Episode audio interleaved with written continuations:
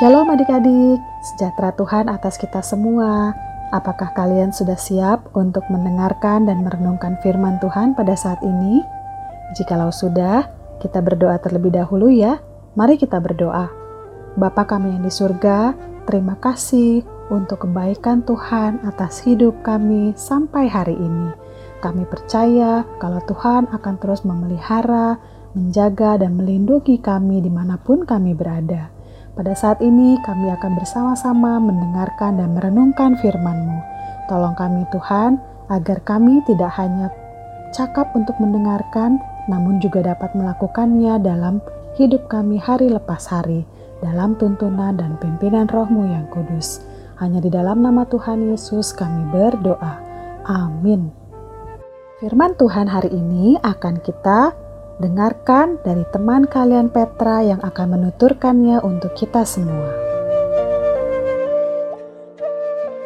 Lukas 19 ayat 1 sampai 10. Beginilah firman Tuhan. Zakeus. Yesus masuk ke kota Yeriko dan berjalan terus melintasi kota itu. Di situ ada seorang bernama Zakeus, kepala pengut cukai, dan ia seorang yang kaya.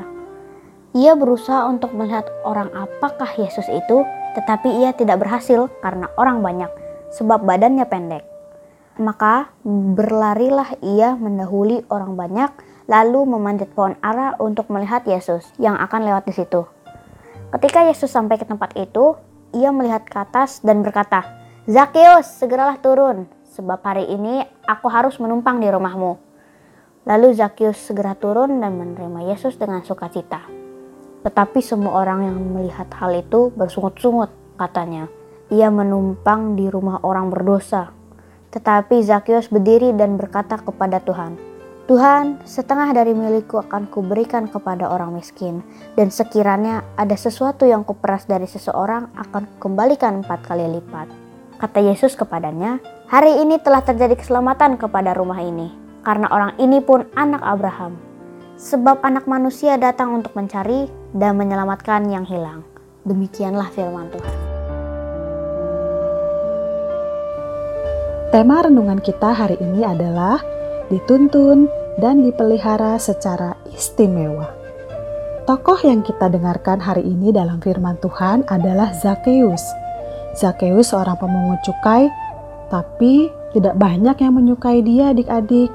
Karena buat orang banyak, Zakeus mengambil terlalu banyak sehingga dia memperkaya dirinya sendiri dan orang lain dirugikan.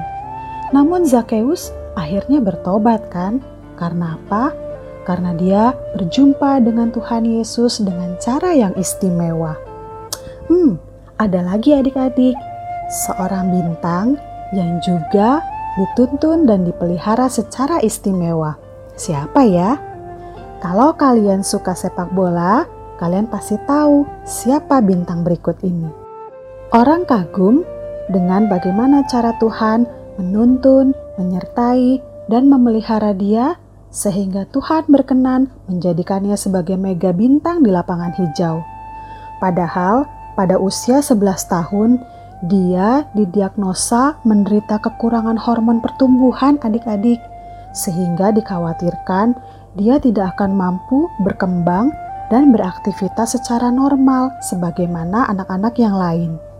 Biaya pengobatan yang dibutuhkannya juga mahal, mencapai 900 dolar per bulan. Kalau dalam rupiah kira-kira 12 jutaan deh per bulan.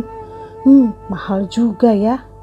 Tim elit River Plate yang berminat atasnya terpaksa harus gigit jari karena mereka tak punya uang cukup untuk pengobatannya. Charles Rexax Direktur Olahraga FC Barcelona yang telah menemukan talentanya mengatur uji coba bersama tim tersebut.